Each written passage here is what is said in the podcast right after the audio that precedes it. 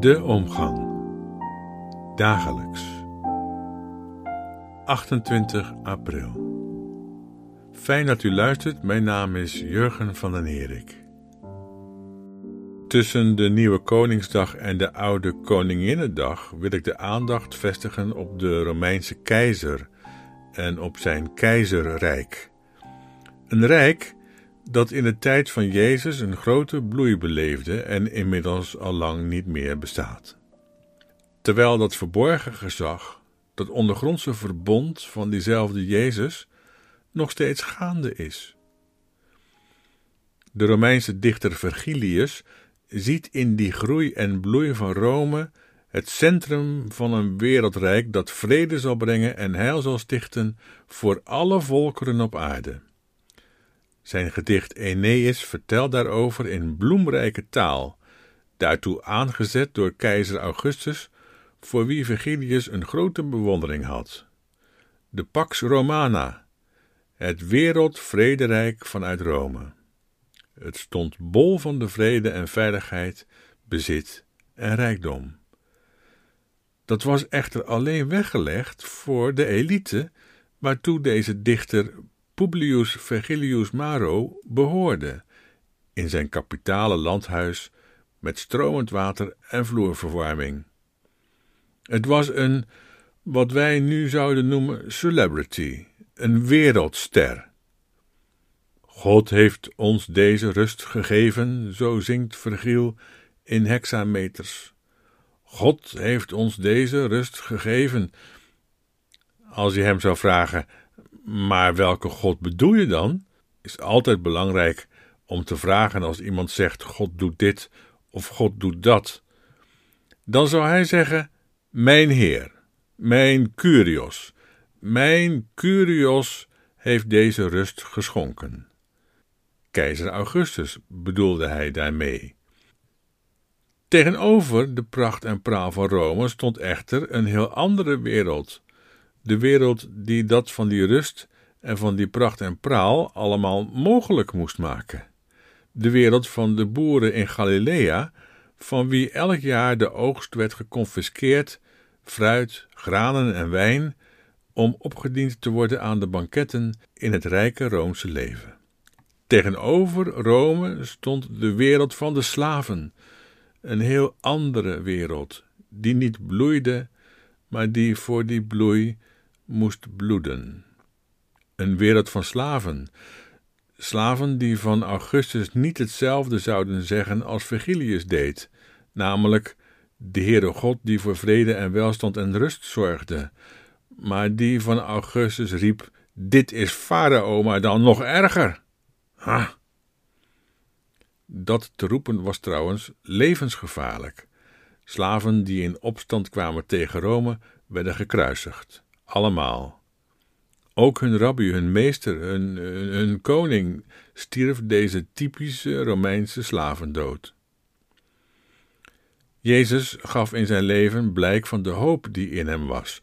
De hoop namelijk dat het einde niet zou zijn dat zijn God de wereld in vuur en zwavel vernietigend zou onderdompelen, maar zou zorgen dat het einde een rijk van shalom zou worden. Een koninkrijk van vrede, anders dan de Pax Romana, dat in hem was begonnen, samen met de slaven zelf, die geleerd hadden om het weinige dat ze hadden, een stuk brood, te delen met elkaar en dat dan te doen in herinnering aan hem. Dat betekent niet dat Jezus als een vrolijke vlierenfluiter door Palestina wandelde in het zonnetje, al mijmerend over de bloemen en de vogels met een grasprietje in zijn mondhoek. Nee, Juist omdat die Jezus zo overtuigd was van de goede afloop, lag hij wakker. Wakker waar Virgilius de slaap der onschuldigen sliep. Hij vreesde dat de opstandige gevoelens van radeloze Joodse slaven zouden ontaarden in redeloze opstanden en intifada's tegen de keizer te Rome, die hen dus, ik zei het zojuist, in alles aan de farao van Egypte deed denken. Jezus voorspelde niet dat de Romeinen de opstand bloedig en met overdonderend geweld zouden neerslaan en de tempel tot de grond toe afbranden, hij vreesde dat. En dat is wat anders. U zult misschien zeggen: Maar Jezus was toch God? Die wist toch alles en kende geen angst? Ah, ik denk niet dat de Bijbelschrijvers dat hebben bedoeld te zeggen, en misschien moeten we onze visie op wat goddelijk is een beetje bijstellen. Stel, zo vreesde Jezus, stel dat dat s'nachts zou gebeuren en zwangere moeders s'nachts uit Jeruzalem zouden moeten vluchten de velden in om een veilig heenkomen te zoeken, met hun kind in de schoot. Oh, oh, oh, wat zou dat verschrikkelijk zijn! Jezus vreesde dus een enorme orgie van geweld en bad of dat die radeloze slaven bespaard mocht blijven. Waar Virgilius zijn God dankte voor de vrede en de rust, met zijn voetjes op de vloerverwarming en een glas wijn van Galileese druiven in de hand, daar bad Jezus voor de slachtoffers daarvan, die, door in opstand te komen, de hel over zich zouden afroepen.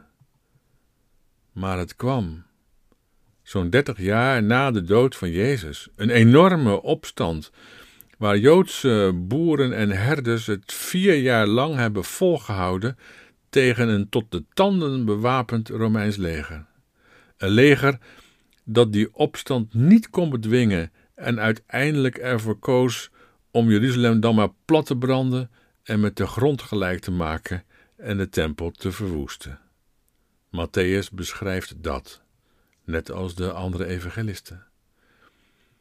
Niet in Romeins hoog verheven dichterlijke taal, maar in het Hebraïserende Grieks van het Nieuwe Testament. Een taal die voor een man als Virgilius geklonken moet hebben als de brabbeltaal van domme, heethoofdige boeren.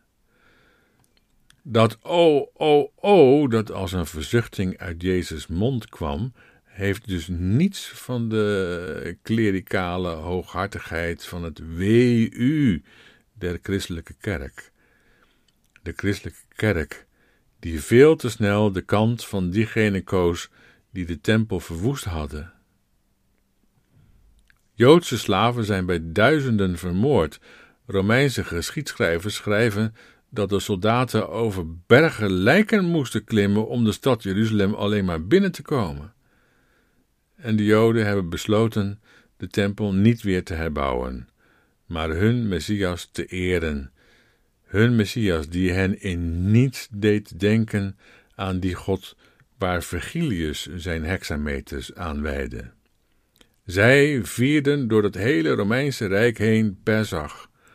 Ook de Joden die niet in Palestina woonden, maar ergens in Noord-Afrika of in Griekenland of Spanje.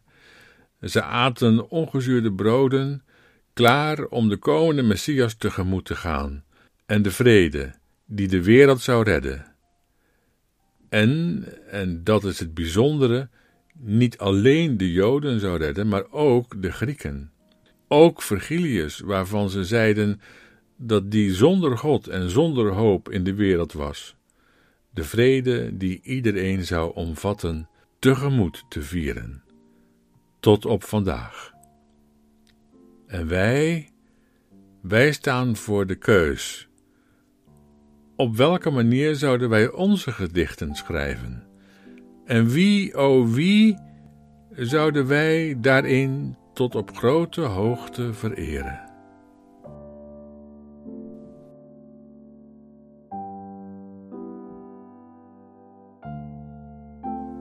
Dit was het voor deze keer. Bedankt voor het luisteren. Vergeet niet deze podcastaflevering te liken of er een abonnement op te nemen. Tot de volgende keer.